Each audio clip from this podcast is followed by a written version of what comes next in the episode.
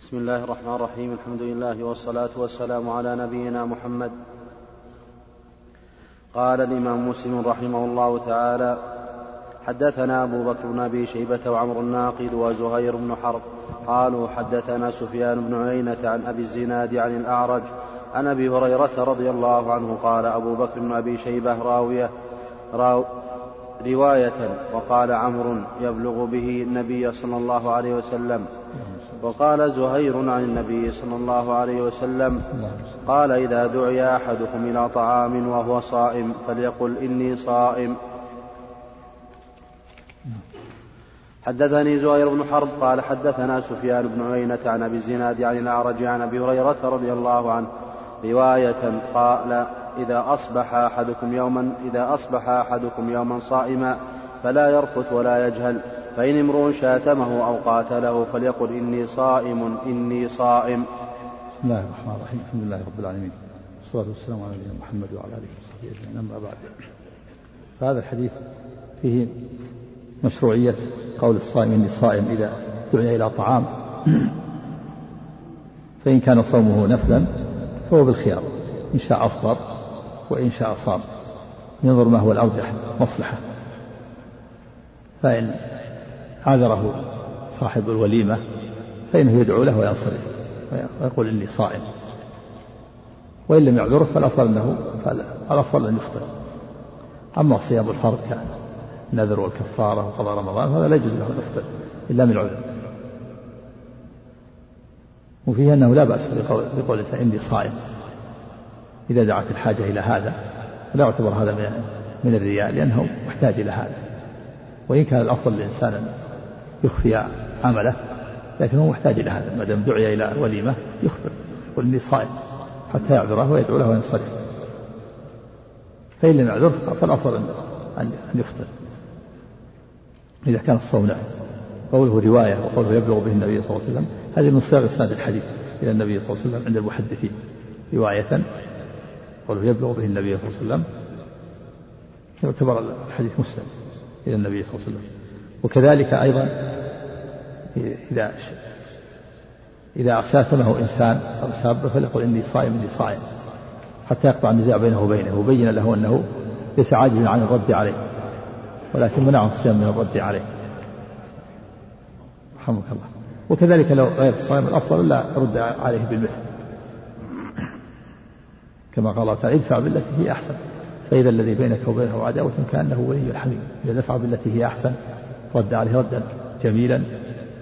وإن كان أخطأ عليه تكلم عليه بكلام سيء فإنه لا يزال يحسن إليه حتى ينقلب تنقلب عداوته صدقة وفيه أن الصائم ينبغي أن يجتنب الرفث والجهل جهل الظلم والعدوان على الناس والرفث الجماع ودواعيه. ولهذا قال النبي إذا أصبح أحدكم صائم فلا يرفث ولا يجهل. فإن امرؤ شاتم أو قاتل فليقل إني صائم إني صائم. تكرر إني صائم إني صائم. فلا أرد عليك وإنما أراعي صومي أراعي حقوق الصوم. نعم. وحدثني حرملة بن يحيى التجيبي قال أخبرنا ابن وهب. وقول بعضهم أنه يقوله بلسان حالة قال ليس بظاهر وبعضهم يقول بلسان المقال. بعضهم قال يقول هذا بلسان حالة بنفسه والصواب أنه يقوله بلسان المقال. هذا هو الأصل. نعم. لو كان صيام نافلة أحسن الله إليك وشاتم أحد. نعم. هذا عام. نفل والفريضة نعم. فريضة والنافلة عامة نعم. لا. لا. لكن فعل الأفضل فعل المستحب. له أجر في امتثال السنة. نعم. له أجر امتثال السنة. نعم. وحدثني حرملة بن يحيى التجيبي قال أخبرنا ابن وهب قال أخبرني يونس عن ابن شهاب قال أخبرني سعيد بن مسيب أنه سمع أبا هريرة رضي الله عنه قال سمعت رسول الله صلى الله عليه وسلم يقول قال الله عز وجل كل عمل ابن آدم له إلا الصيام هو لي وأنا أجزي به والذي نفس محمد بيده لخلفة فم الصائم أطيب عند الله من ريح المسك حدثنا عبد الله بن مسلمة بن قعنب وقتيبة بن سعيد قال حدثنا المغيرة وهو الحزامي عن أبي الزناد عن الأعرج عن أبي هريرة رضي الله عنه قال قال رسول الله صلى الله عليه وسلم الصيام جنة.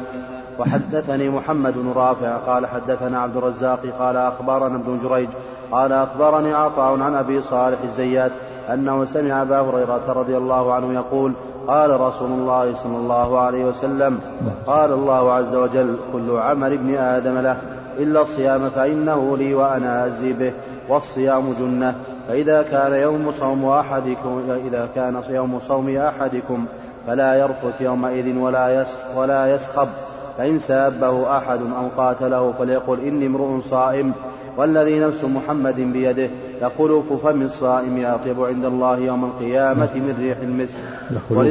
لخلوف لخلوف فم الصائم أطيب عند الله يوم القيامة من ريح المسك.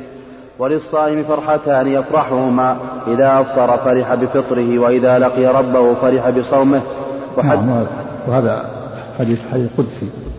حديث أبي الحديث القدسي من كلام الله عز وجل لفظا ومعنى. قال سمعت رسول الله يقول أبو هريرة سمعت رسول الله صلى الله عليه وسلم يقول قال الله عز وجل فالنبي صلى الله عليه وسلم أضافه إلى الله. قال الله عز وجل كل عمل ابن آدم له إلا الصيام هو لي وأنا أجزي به. هذا من كلام الله لفظا ومعنى. وأما سائر الحديث فهي من الله معنى ومن النبي صلى الله عليه وسلم لفظا. ما هذا فهو من كلام الله لفظا ومعنى وفيه فضل الصيام حيث أضافه الرب إليه سبحانه وتعالى قال الصيام فإنه لي. والأعمال كلها لله لكن إضافة تشريف تخصيص لأن الصيام عبادة سرية لا يطلع عليها إلا الله فلهذا أضافه الرب إليه وجعل ثوابه غير محدد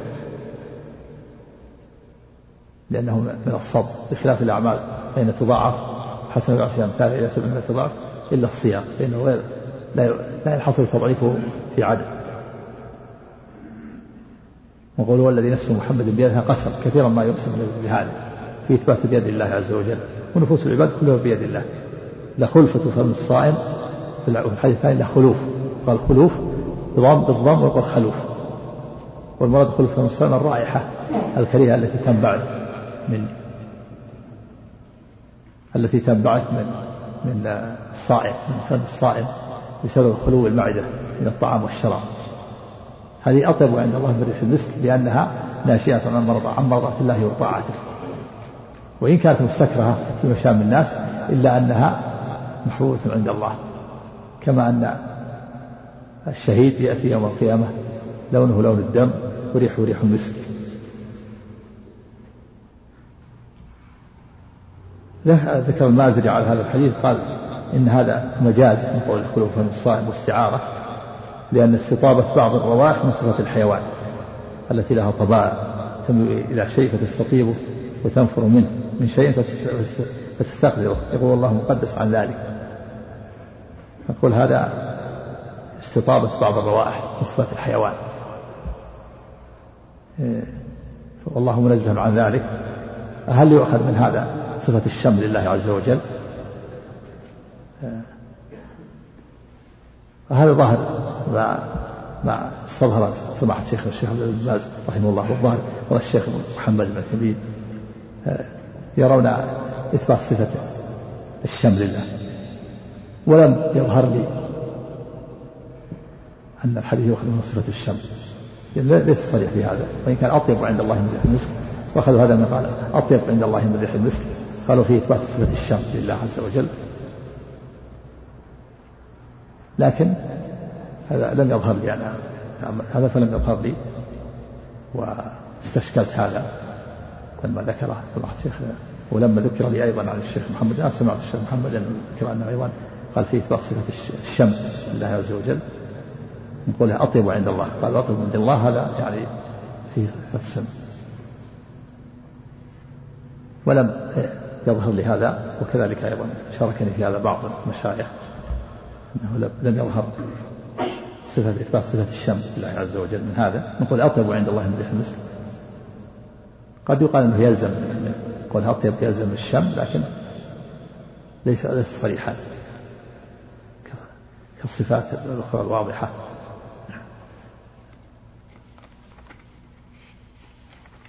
وفيه أن الصائم له فرحتان. يفرح وإذا أفطر فرح بلقاء ربه حيث وجد ثواب صومه مدخرا له عند الله عز وجل وإذا أفطر فرح بفطره حيث تم صومه ولم يحصل له فيه خلل وحيث أباح الله له ما يتناوله من من المباحات من المأكل والمشرب وغيره. نعم.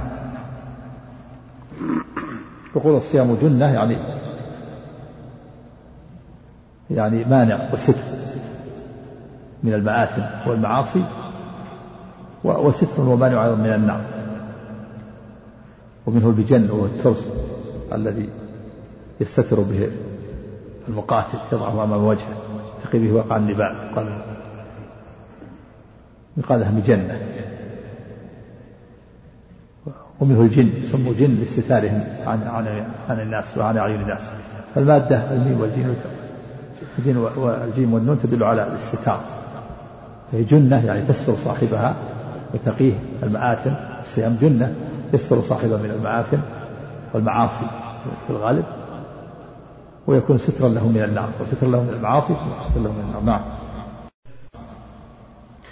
وحدثنا أبو بكر بن أبي شيبة قال حدثنا أبو معاوية ووكيع عن الأعمش حاء وحدثنا زهير بن حرب قال حدثنا جرير عن الأعمش حاء وحدثنا أبو سعيد الأشج واللفظ له. قال حدثنا وكيع قال حدثنا الأعمش عن أبي صالح عن أبي هريرة رضي الله عنه قال قال رسول الله صلى الله عليه وسلم كل عمل ابن آدم يضاعف الحسنة عشر أمثالها إلى سبعمائة ضعف. قال الله عز وجل إلا الصوم فإنه لي وأنا أجزي به يدع شهوته وطعامه من أجلي. للصائم فرحتان فرحة عند فطره وفرحة عند لقاء ربه. ولا خلوف فم ولا خلوف فيه أطيب عند الله من ريح المسك. نعم وهذا فيه أن الصيام لا ينحصر تضعيفه في عدد لأنه من الصبر. وقد قال تعالى إن الصبر يوم يكون الصبر ونادهم بغير حساب. ولهذا قال النبي صلى الله عليه وسلم كل عمل ابن آدم له كل عمل ابن آدم يضاعف الحسنة بعشر أمثالها إلى سبعمائة ضعف. قال الله عز وجل إلا الصيام فإنه لي اضافه الرب إليه. يعني ف... فإن ثوابه لا ينحصر لا ينحصر بالمئة بل يضاعف الله أضعافا كثيرة. نعم. نعم. وحدثنا أبو بكر بن أبي شيبة قال حدثنا محمد بن فضيل عن أبي سنان عن أبي صالح عن أبي هريرة وأبي سعيد رضي الله عنهما قال قال رسول الله صلى الله عليه وسلم إن الله عز وجل يقول إن الصوم لي وأنا أجزي به. إن الصائم فرح إن للصائم فرحتين. إذا أفطر فرح وإذا لقي الله فرح. والذي نفس محمد بيده. لخلوف في لخلوف في لخلوف لخلوف فم الصائم. نعم. أطيب عند الله من ريح المسك. وحدثني وهذا فيها أيضا فيه فائدة لغوية نحوية فم. أنها إذا أضيفت توجد الميم. بعض النحاة يقول الفم الميم عند الإضافة تسقط.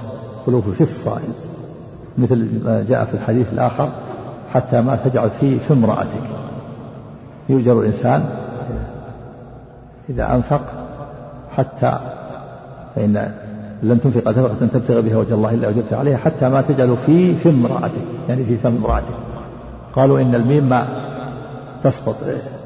تحذف الإضافة هنا وجد عند الإضافة. خلوف فم الصائم في الأحاديث فم. نعم. وحدثني إسحاق بن عمر بن سليط وحدثني إسحاق بن عمر بن سليط الهذلي. قال حدثنا عبد العزيز يعني بن مسلم. قال حدثنا ضرار بن مرة وهو أبو سنان بهذا الإسناد. وقال قال وقال إذا لقي الله فجزاؤه فجزاه فرح فجزاه. نعم. نعم فجزاه نعم. حدثنا أبو بكر بن أبي شيبة قال حدثنا خالد بن مخلد وهو القطواني عن سليمان بن بلال. وهو القطواني. جزاه مثل بمعنى جزاه. جزاه وجزاه نعم. حدثنا قلت جزاك الله خيرا. جزاك. أو جازاك الله. جزاك الله خيرا. جزاه نعم. حدثنا خ... حدثنا أبو بكر بن أبي شيبة قال حدثنا خالد بن مخلد وهو القطواني عن سليمان بن بلال قال حدثني أبو حازم عن سهل بن سعد رضي الله عنه قال قال رسول الله صلى الله عليه وسلم إن في الجنة بابا يقال له الريان يدخل منه الصائمون يوم القيامة لا يدخل معهم أحد غيرهم. يقال أين الصائمون؟ فيدخلون منه. فإذا دخل آخرهم أغلق فلم يدخل منه أحد. نعم. فيه أن للصائم أن للصائمين بابا خاصة من أبواب الجنة الثمانية. يقال له الريان. لا يدخل منه إلا الصائم.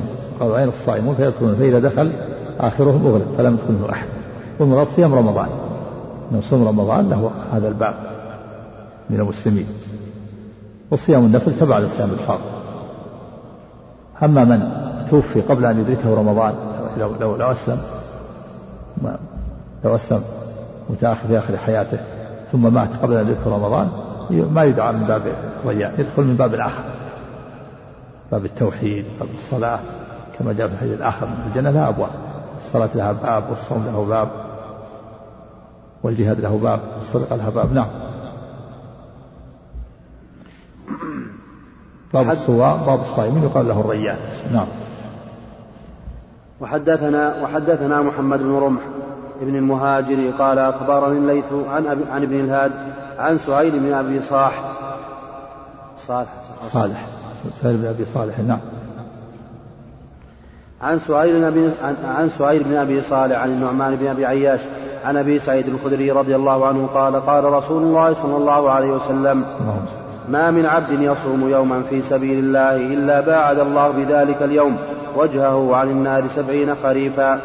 وحدثنا قتيبة بن سعيد قال حدثنا عبد العزيز يعني الدراوردي عن سهيل بهذا الإسناد وحدثني إسحاق بن منصور وعبد الرحمن بن بشر العبدي قال حدثنا عبد الرزاق قال أخبرنا ابن جريج عن يحيى بن سعيد وسهيل بن أبي صالح أنهما سمع النعمان بن أبي عياش الزرقي يحدث عن أبي سعيد الخدري رضي الله عنه قال سمعت رسول الله صلى الله عليه وسلم يقول من صام يوما في سبيل الله باعد الله وجهه عن النار سبعين خريفا اختلف العلماء في المراد بسبيل الله على قولين أحدهما أن المراد بالجهاد في سبيل الله. من صام يوما في سبيل الله يعني في الجهاد في سبيل الله. اختار هذا النووي وجماعة. واستشكل كون الصيام في الجهاد. لأن الجهاد مأمور المجاهد مأمور بالفطر حتى يتقوى على العدو. فقالوا إن هذا محمول على أنه في وقت ما يتضرر. ما أيام ما فيها قتال أو أيام المرابطة. وقال آخر من أهل العلم المراد في سبيله في طاعة الله ومرضاته. ورجح هذا جماعة. اختاره شيخنا رحمه الله أن المراد به في طاعة الله ومرضاته. وفيه فضل من صام ابتغاء مرضات الله فإن الله يباعد وجهه عن سبعين خريفا هذا في فضل الصوم. كما أن الصوم يضاعف فضله من بغير حصر ولا عدد. ومن ذلك أن الله يباعد يباعد, يباعد وجهه عن النار سبعين خريفا يعني سبعين عام. المراد بالخريف السنة. والخريف فصل من فصول السنة. والمراد به العام يعني سبعين عاما. نعم. نعم النفل والفرض كله كله فاضل كلهم الصوم لي عام. رحمك الله قول الرب سبحانه وتعالى الصوم لي عام. نعم. وحدثنا أبو كامل فضيل بن حسين قال حدثنا عبد الواحد بن زياد قال حدثنا طلحة بن يحيى بن عبيد الله قال حدثني قال حدثتني عائشة بنت طلحة عن عائشة أم المؤمنين رضي الله عنها قالت قال لي رسول الله صلى الله عليه وسلم ذات يوم يا عائشة هل عندكم شيء؟ قال قالت فقلت يا رسول الله ما عندنا شيء. قال فإني صائم. قالت فخرج رسول الله صلى الله عليه وسلم. فأهديت لنا هدية أو جاءنا زور. قالت فلما رجع رسول الله صلى الله عليه وسلم قلت يا رسول الله أهديت لنا هدية أو جاءنا زور. وقد خبأت لك شيئا. قال ما هو؟ قلت حيس قال هاتي. فجئت به فأكل ثم قال قد كنت أصبحت صائما. قال طلحة فحدثت مجاهدا بهذا الحديث فقال ذلك بمنزلة الرجل يخرج الصدقة من ماله فإن شاء أمضاها وإن شاء أمسكها. حدثنا أبو بكر بن أبي شيبة قال حدثنا وكيع عن طلحة بن يحيى عن عمته عائشة بنت طلحة عن عائشة أم المؤمنين قالت دخل علي النبي صلى الله عليه وسلم ذات يوم فقال هل عندكم شيء؟ فقلنا لا. قال فإني إذا صائم. ثم أتانا يوما آخر فقلنا يا رسول الله أهدي لنا حيث. فقال أريني فلقد أصبحت صائما فأكل. نعم وهذا الحديث فيها جواز صوم النفل من النهار إذا لم يفعل مفطرا لكن أجره من وقت نية الصوم. فإذا أراد أن يصوم نفلا من الضحى بدا له أن أصبح مفطر لكن ما أكل ولا شرب ولا جامع. فلما صار الضحى أراد أن يصوم له ذلك. سواء قبل الزوال أو بعد الزوال؟ قال بعضهم لا بد أن يكون قبل الزوال.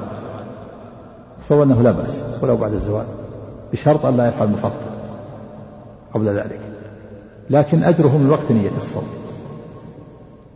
وكذلك أيضا فيه جواز الفطر من صوم النفل. وأنه لا إثم فيه ولا قضاء. إذا كان صائم تطوع ثم بدا له نفطر فله الفطر ولا يجب عليه القضاء على الصحيح. لكن الأفضل أن يتمه إذا لم يكن هناك حاجة للفطر. وإن أفطر فلا فلا حرج. ولهذا مثله النبي صلى الله عليه وسلم مثل من يخرج الصدقة. فإن شاء أمضاها وإن شاء أمسكها. تخرج الصدقة في في يدك. إن شئت أمضيتها وأردت الفقير وإن شئت أبقيتها.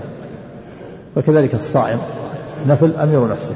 إن شاء تم صومه وإن شاء أفطر وإن كان الأفضل الإمضاء.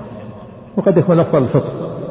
كما لو دعاه ضيف إنسان إلى وليمة وصار يشق عليه ألا يأكل وإن كان لا يشق عليه دعا له وصله أو جاءه ضيف وكان يشق عليه أن يبقى صائم. مثل ما جرى مر الحديث لما زار سلمان أخاه بالدرداء قدم له الطعام قدم له بالدرداء الطعام وقال له كل فإني صائم. قال ما أنا بآكل حتى تأكل. وفي في اللفظ الآخر أقسم عليك قال أقسم عليك بالله لا تأكلن. هذا يفطر لفظ أن يفطر في هذه الحالة. نعم. نعم. نعم. نعم. نعم.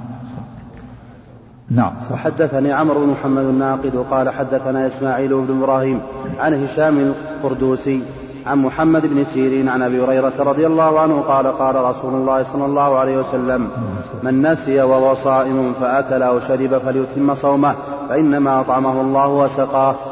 نعم وهذا حديث فيه صحة صوم من أكل ناسيا. فرضا صومه أو نفلا سواء كان فرض صوم أو نفل. من نسي وهو صائم فأكل أو شرب فليتم صومه. وفي أنه لا لا إثم عليه ولا قضاء ولا كفارة. وأن هذه طعمة من الله. لكن من رآه يأكل ويشرب يخبر. يقول يا فلان أنت صائم. لأن أكل أكله لا سيما إذا كان في رمضان. إذا كان صوم واجب. لأن أكله منكر لكن هو معذور بالنسيان. لكن أنت لست معذور فإذا علم تذكر أو أخبر الإنسان يلفظ في فمه ويتمضمض وصومه صحيح. ولا قضاء عليه ولا إثم ولا كفارة. وكذلك الجماع على الصحيح. إذا جامع ناسيا فصومه صحيح. لأن النسيان لا حيلة فيه. ولا قضاء ولا كفارة. وأما الجاهل ففيه تفصيل. الجاهل إن كان يمكنه أن يسأل ولم يسأل فلا يعلم لا بد أن يسأل. أما إذا كان لا يمكنه أو لا يخطر بباله أن هذه هذه المسألة فهو معذور. ومسألة فيه خلاف بين أهل العلم. بعض العلماء أوجب على الكفارة على على المجامع ولو كان ناسيا في المالكية. قال يجب عليه القضاء والكفارة. نعم. بعد بعد الدرس. نعم. حدثنا يحيى بن يحيى قال أخبرنا يزيد بن زريع عن سعيد الجريري عن عبد الله بن شقيق قال قال قلت لعائشة رضي الله عنها هل كان النبي صلى الله عليه وسلم يصوم شهرا معلوما معلوما سوى رمضان؟ قالت والله إن صام شهرا معلوما سوى رمضان حتى مضى لوجهه ولا أفطره حتى يصيب منه. وحدثنا عبيد الله بن معاذ قال حدثنا أبي قال حدثنا كهمس عن عبد الله بن شقيق قالت قال قلت لعائشة رضي الله عنها أكان رسول الله صلى الله عليه وسلم يصوم شهرا كله؟ قالت ما علمته صام شهرا كله إلا رمضان ولا أفطره كله حتى يصوم منه حتى مضى لسبيله. صلى الله عليه وسلم. الله وهذا الحديث فيها أن النبي صلى الله عليه وسلم ما كان يصوم شهرا معلوما سوى رمضان. لكن جاء في الحديث الآخر أن النبي كان يصوم شعبان كله كان يصوم شعبان إلا قليلا. سيأتي أيضا. يذكره المؤلف رحمه الله. فاختلف في قوله كان يصوم شعبان كله كان يصوم شعبان إلا قليلا. فقيل المعنى أنه أن الجملة الثانية تفسر الجملة الأولى وأن المعنى أنه يصومه إلا إلا قليلا. ومن صام أغلب الشهر فكأنه صام الشهر كله. وقيل المعنى أنه في بعض السنين يصوم شعبان كامل كاملا وفي بعض السنين يصوم أغلبا وقول عائشة قالت والله إن صام شهرا معلوما إن نافية بمعنى ما يعني ما صام شهرا معلوما. حتى مضى لوجهه. كأنها يعني استثنت شعبان وأنها نسيت. وإلا فقد أخبرت عنه. هي نفسها أخبرت أن النبي كان يصوم شعبان كله إلا قليلا. وفيه أن النبي صلى الله عليه وسلم لا يخلي شهرا من صوم. ولهذا قال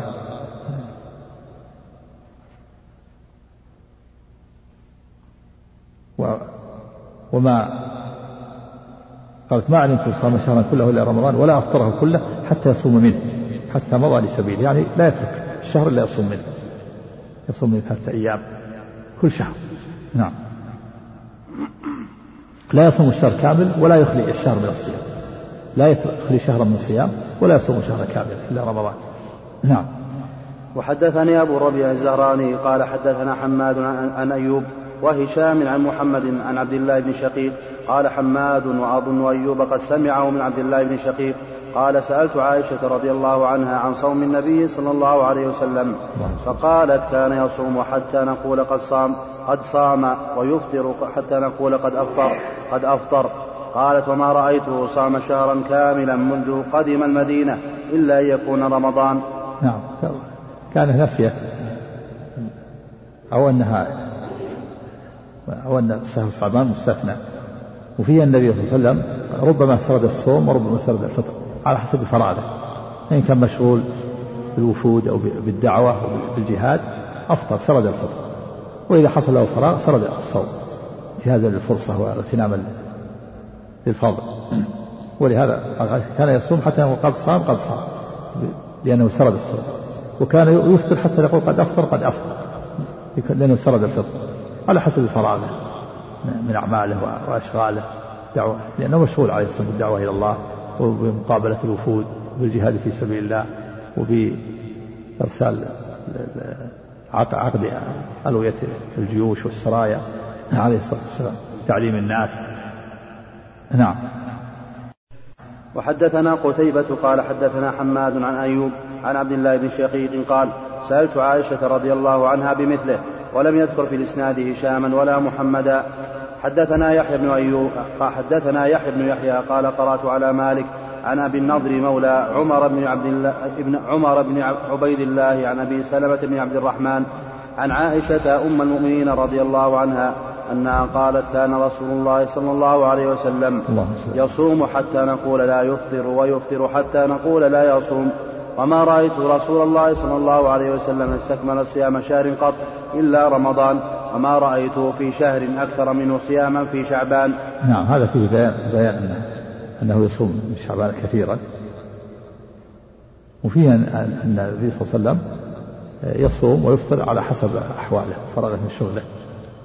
وهكذا ينبغي للإنسان أن يقتدي بالنبي صلى الله عليه وسلم. فإذا كان الصوم يضعفه عن طلب الرزق أو طلب العلم أو الدعوة إلى الله أو الأمر بالمعروف والنهي عن المنكر ترك الصيام وصام في وقت فراغه. وإذا كان في وقت عنده فراغ صام. نعم. وحدثنا مطلوب. وطلب العلم كذلك. أفضل القربات. طلب الرزق له ولأولاده. كان يصوم ويجلس في البيت ويكون عالة على الناس لا. يفطر الحمد لله ويطلب الرزق وهو على خير. يطلب العلم. نعم.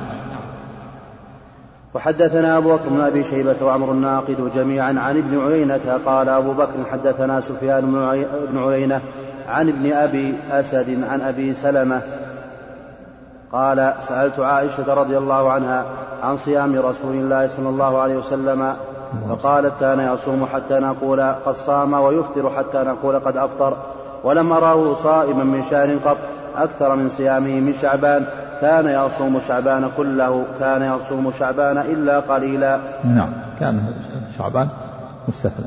كان يصوم شعبان كله كان يصوم شعبان إلا قليلا. الجملة الثانية تفسر الأولى يعني يصومه أغلب الشهر. نعم.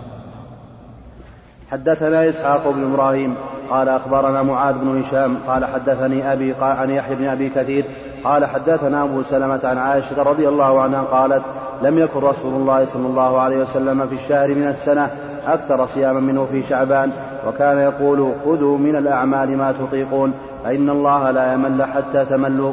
وكان يقول أحب العمل إلى الله ما داوم عليه صاحبه وإن قل. نعم. خذوا من الأعمال ما تطيقون اللفظ الآخر اكلفوا من الأعمال أو أكلفوا من الأعمال ما تطيقون.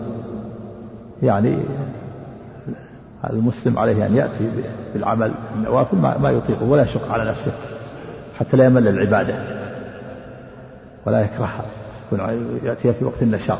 إذا كان وقت الضعف أو النوم أو النعاس فإنه ينام ويستريح. قل فإن الله لا يمل حتى تملوا. وصف يليق بالله. ليس من جسمان المخلوق الذي يلزم منه الضعف. هذا في مقابل ملل الإنسان. مجازاة له. من قوله تعالى يخادعون الله وهو خادعهم ويمكرون ويمكر الله. إنه يكيدون كيدا وأكيد كيدا. في صفات كمال في مقابل مجازاة لهؤلاء مجازاة للماكرين مجازاة للكائدين. وهنا ملل مجازاة لمن لمن مل. فالله لا يقطع الثواب عن العبد حتى يقطع العبد العمل. هذا من من ثمرة من آثار الصفة. وهذا وصف يليق بالله لا يلزم منه النقص. وفيه أن حب العمل إلى الله ما داوم عليه صاحبه ولو كان قليلا. ركعات معدودة يصليها في الضحى باستمرار أو في الليل. أفضل من كونه يوم يصلي ويوم يترك. نعم. حدثنا أبو ربيع الزهراني قال حدثنا أبو عوانة عن أبي بشر عن سعيد بن جبير عن ابن عباس رضي الله عنهما قال ما صام رسول الله صلى الله عليه وسلم شهرا كاملا قط غير رمضان وكان يصوم إذا صام حتى يقول القائل لا والله لا والله لا يفطر. ويفطر إذا أفطر حتى يقول القائل لا والله لا يصوم. وحدثنا محمد بن بشار وأبو بكر بن نافع عن غندر عن شعبة عن غندر عن شعبة عن أبي بشر بهذا الإسناد وقال شهرا متتابعا منذ قدم المدينة.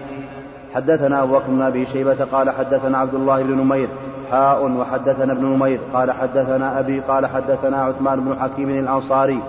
قال سألت سعيد بن جبير عن صوم رجب ونحن يومئذ في رجب. فقال سمعت ابن عباس رضي الله عنهما يقول كان رسول الله صلى الله عليه وسلم يصوم حتى نقول لا يفطر ويفطر حتى نقول لا يصوم. وحدثني علي بن حجر قال حدثنا علي بن مسهر حاء وحدثني إبراهيم بن موسى. قال أخبرنا عيسى بن يونس كلاهما عن عثمان بن حكيم في هذا الإسناد بمثله. وحدثني زهير بن حرب وابن أبي خلف قال حدثنا روح بن عبادة قال حدثنا حماد عن ثابت عن أنس رضي الله عنه حاء وحدثني وحدثني أبو بكر بن نافع واللفظ له قال حدثنا بهز قال حدثنا حماد قال حدثنا ثابت عن أنس رضي الله عنه أن رسول الله صلى الله عليه وسلم كان يصوم حتى يقال قد صام قد صام ويفطر حتى يقال قد أفطر قد أفطر.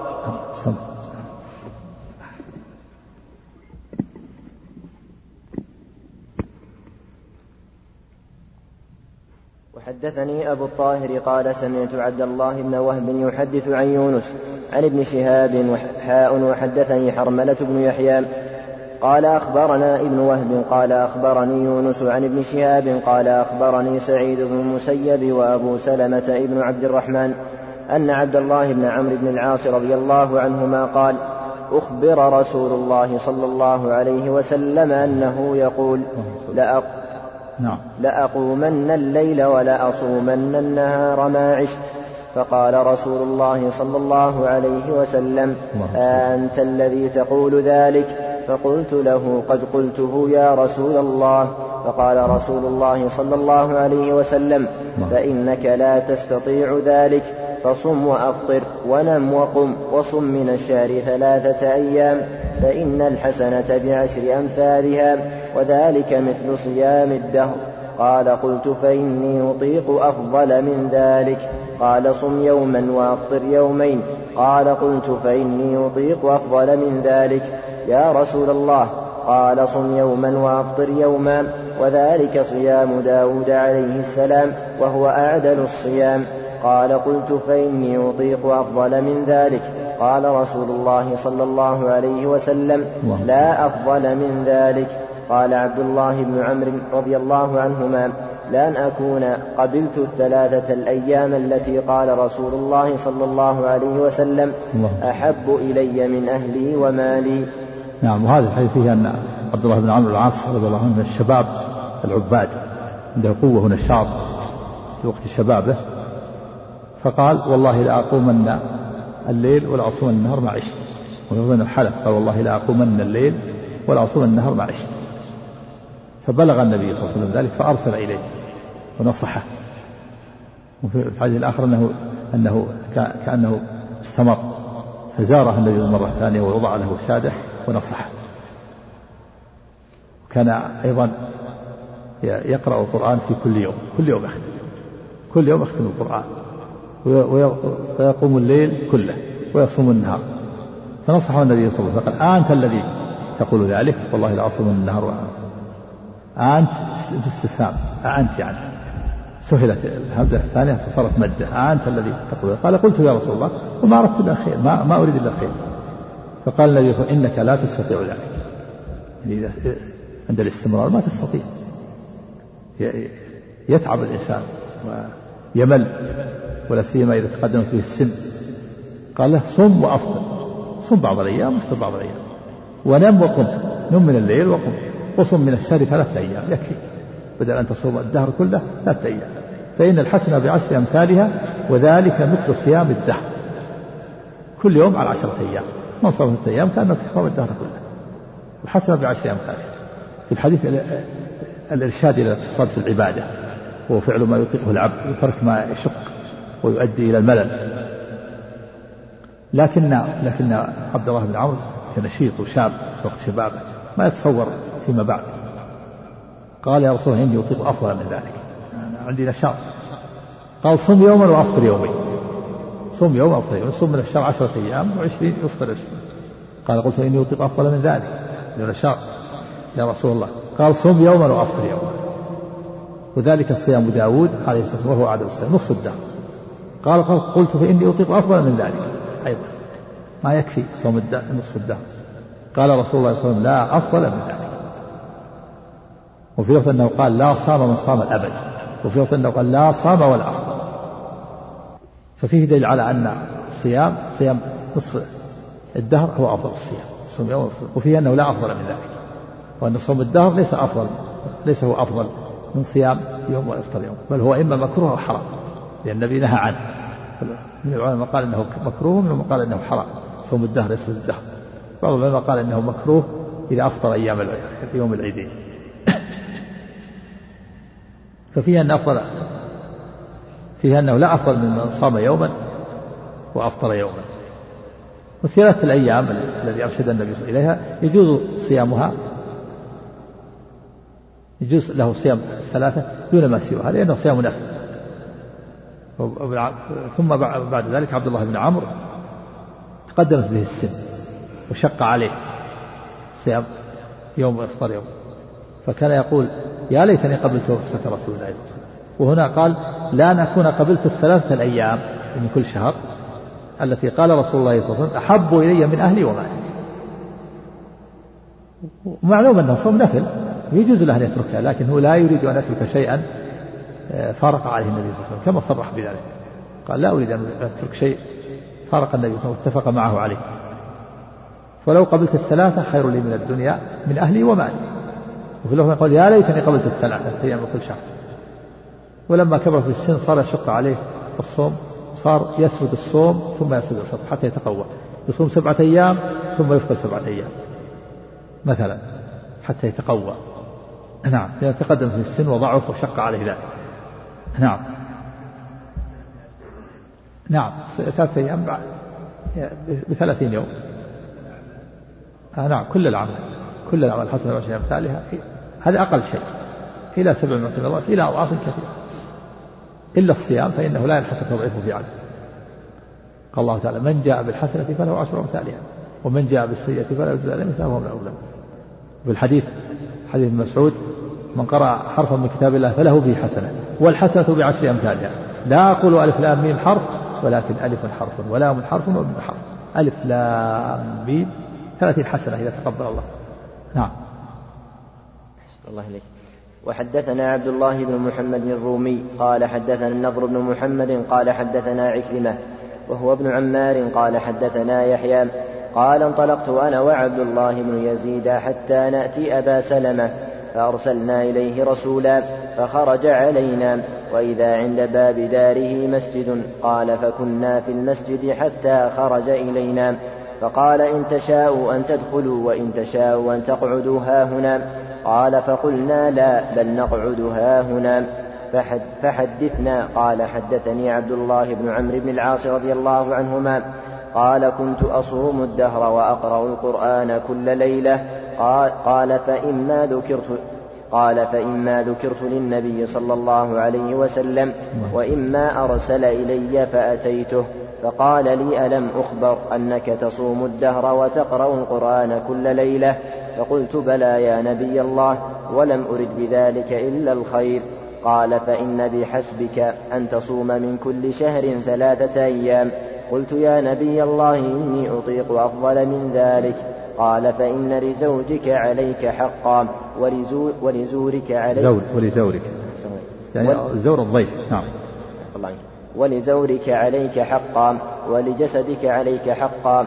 قال فصم صوم داود نبي, داود نبي الله عليه السلام فإنه كان أعبد الناس. قال قلت يا نبي الله وما صوم داود؟ قال كان يصوم يوما ويفطر يوما. قال واقرأ القرآن في كل شهر. قال قلت يا نبي الله إني أطيق أفضل من ذلك. قال فاقرأه في كل عشرين. قال قلت يا, يا نبي الله إني أطيق أفضل من ذلك. قال فاقرأه في كل عشر. قال قلت يا نبي الله إني أطيق أفضل من ذلك. قال فاقرأه في كل سبع. ولا تزد على ذلك. فإن لزوجك عليك حقا ولزورك عليك حقا ولجسدك عليك حقا. قال فشددت فشد فشدد علي. قال وقال لي النبي وقال قال وقال لي النبي صلى الله عليه وسلم إنك لا تدري لعل لعلك يطول بك عمر. قال فصرت إلى الذي قال لي النبي صلى الله عليه وسلم فلما كبرت وددت أني كنت قبلت, قبلت رخصة نبي الله صلى الله عليه وسلم. نعم وهذا فيه أن عبد الله بن عمرو رضي الله عنه يريد الخير لكن النبي صلى الله عليه وسلم أرشده إلى الاقتصاد في العبادة. ومبين له أنه إذا صام الدهر وقام الليل آه، أثر هذا على الحقوق الأخرى أضعف عن الحقوق الأخرى. ولهذا قال بين قال إن لزوجك عليك حقا ولزوجك عليك حقا ولجسدك عليك حقا ولعينك عليك حقا. الجسم له حق والعين الراحة والنوم والضيف له, له حق والزوجة لها حق. إذا صام الإنسان النهار وقام الليل ضيع الحقوق الأخرى. بين له النبي صلى الله عليه وسلم. وبين لها أن الحد أن يصوم يوم ويفطر يوم. وفي القرآن يقرأ القرآن في كل في كل يوم. قال اقرأ في كل شهر. هذا أعدل. يعني معتدل. كل يوم يقرأ جزء. يختم في ثلاثين يوما. قال رسول الله أطيق أفضل من ذلك. قال اقرأه في كل عشرين. في كل عشرين. قال أطيق أفضل من ذلك. قال اقرأه في كل عشر عشرة أيام. قلت يا نبي أطيق أفضل من ذلك. قال اقرأه في سبع ولا تزد على ذلك. في رواية البخاري حتى حتى قال في ثلاث. وجاء في حديث آخر في الصحيح لا يفقه من قرأ القرآن في أقل من ثلاث. بعض بعض العلماء قال آه، إن هذا يستثنى من هذا آه، اوقات أوقات العبادة أوقات الفضل أيام أوقات المواسم رمضان وذي الحجة. فعل بعض السلف اجتهد وراى أن الأوقات الفاضله مستثنات أو ولا ولعل من قال من أنه لم يبلغهم هذا الحديث. لا, لا يفقه. من قرأ القرآن في أقل من ثلاث. في البخاري قال حتى قال في ثلاث. هنا قال في سبع. هو يدل على يدل على جواز قراءة القرآن في ثلاث. ولا يجوز في أقل من ذلك. هذا ظاهر الحديث. وحديث عبد الله بن عمرو يدل على أن الأفضل ألا يزيد على سبع. مع جوازه في أقل من السبع. يعني يجوز في أقل من ثلاث لكن الأفضل يكون في سبع. وأما ما ورد عن بعض السلف أنه يختم القرآن في كل يوم وأن للشافعي ستين ختم في رمضان فهذا محمول أن بعض السلف آه، قالوا إنها أوقات الفضائل مستثنات أو أنه لم هو بكل حال اتباع السنة هو الأول. الإنسان يتدبر ويتأمل. إذا كان يقرأ في كل يوم ما يتدبر التدبر المطلوب. نعم. وفيها أن عبد الله بن عمرو كبرت سنه شق عليه ذلك وتمنى أنه قبل الرخصة. قال له النبي فلعلك يطلب بك عمر يشق عليه قال فصرت إلى الذي قال النبي صلى الله عليه وسلم إلى الذي قال لي. فلما كبرت وددت أني كنت قبلت رخصة النبي صلى الله عليه وسلم. الله قال فشددت فشدد عليه. الإنسان يأخذ موعظة. الشباب الآن يستفيد من هذه الموعظة. موعظة النبي صلى الله عليه وسلم ونصيحته وإرشاده نعم. أحسن الله عليك وحدثنيه زهير بن حرب قال حدثنا روح بن عبادة قال حدثنا حسين بن المعلم عن يحيى بن أبي كثير عن يحيى بن أبي كثير بهذا الإسناد وزاد فيه بعد قوله من كل شهر ثلاثة أيام فإن لك بكل حسنة عشر أمثالها فذلك الدهر كله. وقال في الحديث قلت وما صوم نبي الله داود؟ قال نصف الدهر. ولم يذكر في الحديث من قراءة القرآن شيئا. ولم يقل وإن لزورك عليك حقا ولكن قال وإن, لول وإن لولدك عليك حقا. ثم ما ثبت عن السلف أنه يقول ما ذكر في كتب البعض يختم القرآن في سنة في, في, في يوم في, في يوم ختم أول يحتاج إلى نقل إلى ثبوت. لأن كتب البعض تنقل هكذا بدون سند بدون خطام ولا زمام. ثم إذا ثبت يعتبر عنه. لعل النصوص لم تبلغهم. أو بلغتهم ولكن اجتهدوا. والاجتهاد يخطئ ويصيب. والحجة في النصوص في كتاب الله وسنة رسوله لأنه معصوم عن الخطأ. أما أفعال الناس تعرض على النصوص. ما وافقها قبل وما خالفها رد حتى الصحابة رضوان الله عليهم يخطئون ويصيبون. ما في أحد معصوم من الخطأ إلا النبي صلى الله عليه وسلم. معصوم عن الخطأ في عن الله. معصوم عن الشرك وعن الكبائر. هذه النقول عن السلف كان فلان يختم في كل ستين ختمة في رمضان الشافعي وكان فلان يختم في كل يوم ثمان ختمات وأربع ختمات. كيف يختم ثمان ختمات؟ فقال بعضهم في كتب البعض وذكرها النووي يعني يقول أكثر ما بلغنا أن أن بعضهم يختم ثمان ختمات. النووي كان بعضهم يختم القرآن في كل شهر وبعضهم في عشرين وبعضهم في عشرة وأكثرهم في سبعة وكثير من في ثلاث وكثير في كل يوم وليلة وبعضهم في كل ليلة وبعضهم في اليوم والليلة ثلاث ختمات وبعضهم ثمان ختمات. هو أكثر ما بلغنا. شو كيف كيف يختم ثمان ختمات؟ هل يمكن هذا؟ يختم ثمان ختمات أربع في الليل وأربع في النهار؟ لا ما يمكن فهذا يدل على أن هذا القول يعني في في يعني في ثبوتها نظر يحتاج إلى سند ما في سند عن فلان سند متصل عن فلان فلان أنه ختم في كذا إنما أخبار تنقل بدون خطام ولا ولو ثبتت نقول لعل النصوص لم تبلغ أو بلغتهم وتأولوها وليس فعلهم حجة. ليس فعلهم حجة على على النصوص. إنما النصوص هي الحجة. نعم. أحسن الله إليك. وحدثني القاسم بن زكريا قال حدثنا عبيد الله بن موسى عن شيبان عن يحيى عن محمد بن عبد الرحمن مولى بني زهرة عن أبي سلمة قال وأحسبني قد سمعته أنا من أبي سلمة عن عبد الله بن عمرو عن عبد الله بن عمرو رضي الله عنهما قال قال لي رسول الله صلى الله عليه وسلم اقرأ القرآن في كل شهر. قال قلت إني أجد قوة. قال فاقرأه في عشرين ليلة. قال قلت إني أجد قوة. قال فاقرأه في سبع ولا تزد على ذلك. وحدثني أحمد بن يوسف الأزدي. قال حدثنا عمرو بن أبي سلمة عن الأوزاعي قراءة قال حدثني يحيى بن أبي كثير عن ابن الحكم بن ثوبان قال حدثني أبو سلمة بن عبد الرحمن عن عبد الله بن عمرو بن العاص رضي الله عنهما قال قال رسول الله صلى الله عليه وسلم يا عبد الله لا تكن بمثل فلان كان يقوم الليل فترك قيامه. وحدثني محمد بن رافع قال ترك فترك قيام الليل. قيامه عندك؟ نعم فترك قيام الليل. نعم. الله عنك. لا يا عبد الله لا تكن بمثل فلان. كان يقوم كان يقوم الليل فترك قيام الليل.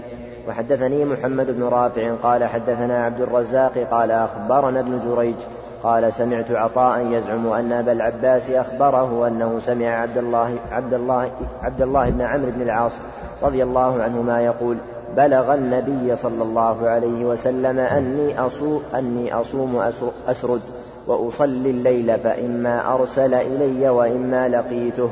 فقال ألم أخبر أنك تصوم ولا تفطر؟ وتصلي الليل فلا تفعل فإن لعينك حظا ولنفسك حظا ولأهلك حظا. فصم وأفطر وصل ونم وصم من كل عشرة أيام يوما. ولك أجر تسعة. قال إني أجد أجدني أقوى من ذلك. يا نبي الله قال فصم صيام داود. قال وكيف كان داود يصوم؟ يا نبي الله قال كان يصوم يوما ويفطر يوما ولا يفر إذا لاقى. قال من لي بهذه؟ يا نبي الله.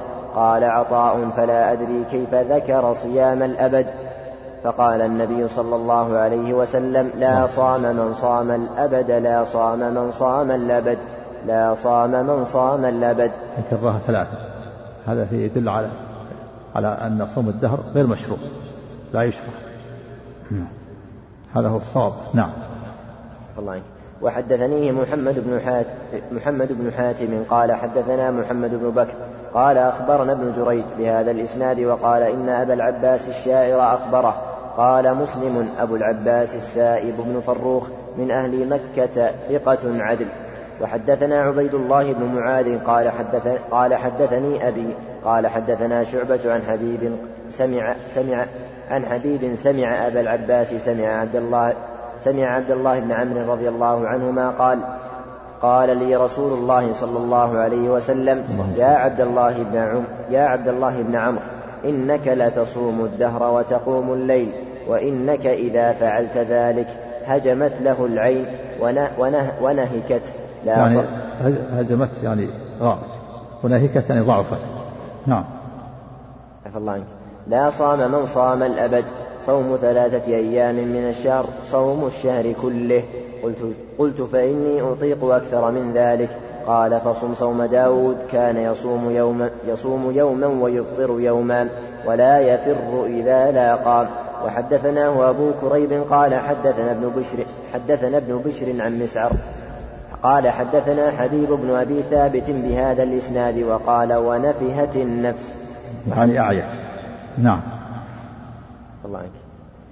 وحدثنا أبو بكر بن أبي شيبة قال حدثنا سفيان بن عيينة عن عمرو عن أبي العباس عن عبد الله بن عمرو رضي الله عنهما قال قال لي رسول الله صلى الله عليه وسلم ألم أخبر أنك تقوم الليل وتصوم النهار؟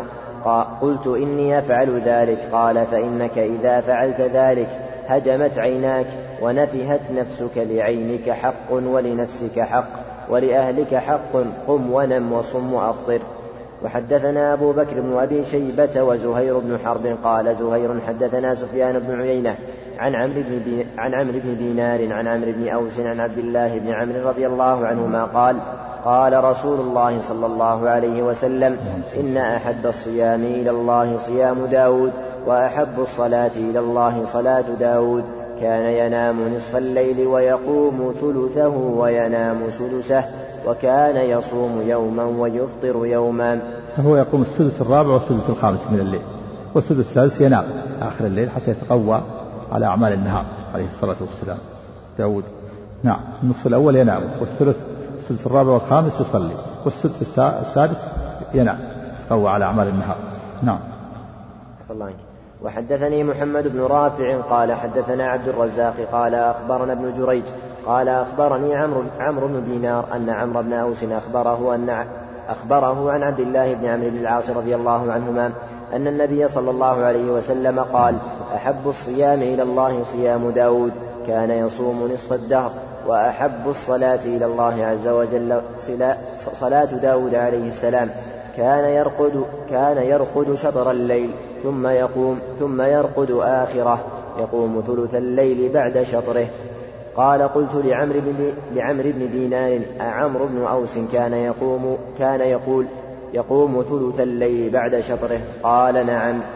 وحدثنا يحيى بن يحيى قال أخبرنا خالد بن عبد الله عن خالد عن أبي قلابة قال أخبرني أبو المليح قال دخلت مع أبيك على عبد الله بن عمرو. فحدثنا أن رضي الله عنه رضي الله عنهما فحدثنا أن رسول الله صلى الله عليه وسلم ذكر له صومي فدخل علي فألقيت له وسادة من أدم حشوها ليف فجلس على الأرض فصارت الوسادة بيني وبينه. فقال لي, فقال لي رسول الله صلى الله عليه وسلم أما يكفيك من كل شهر ثلاثة أيام؟ قلت يا رسول الله. قال خمسا قلت يا رسول الله. قال سبعا قلت يا رسول الله. قال تسعا قلت يا رسول الله. قال أحد عشرا قلت يا رسول الله. فقال رسول الله صلى الله عليه وسلم لا صوم فوق صوم داود. شطر الدهر صيام يوم وإفطار يوم. وفي تواضع النبي صلى الله عليه وسلم في مجيئه لعبد الله بن عمرو. وفي أنه لم يجلس على الوسادة بل جعلها بينه وبينه يشعر بأنه مغضب وأنه ما جاء إلا لنصيحته فقال الوسادة قال ما أريد الوسادة. جعلها بينه وبينه. وقوله قال يا رسول الله خمسة يعني صم خمسة أيام زدني. يعني يا رسول الله زدني. فقال خمسة صم خمسة أيام من كل شهر. قلت يا رسول الله يعني زدني. قال سبعة سبعة أيام من كل شهر.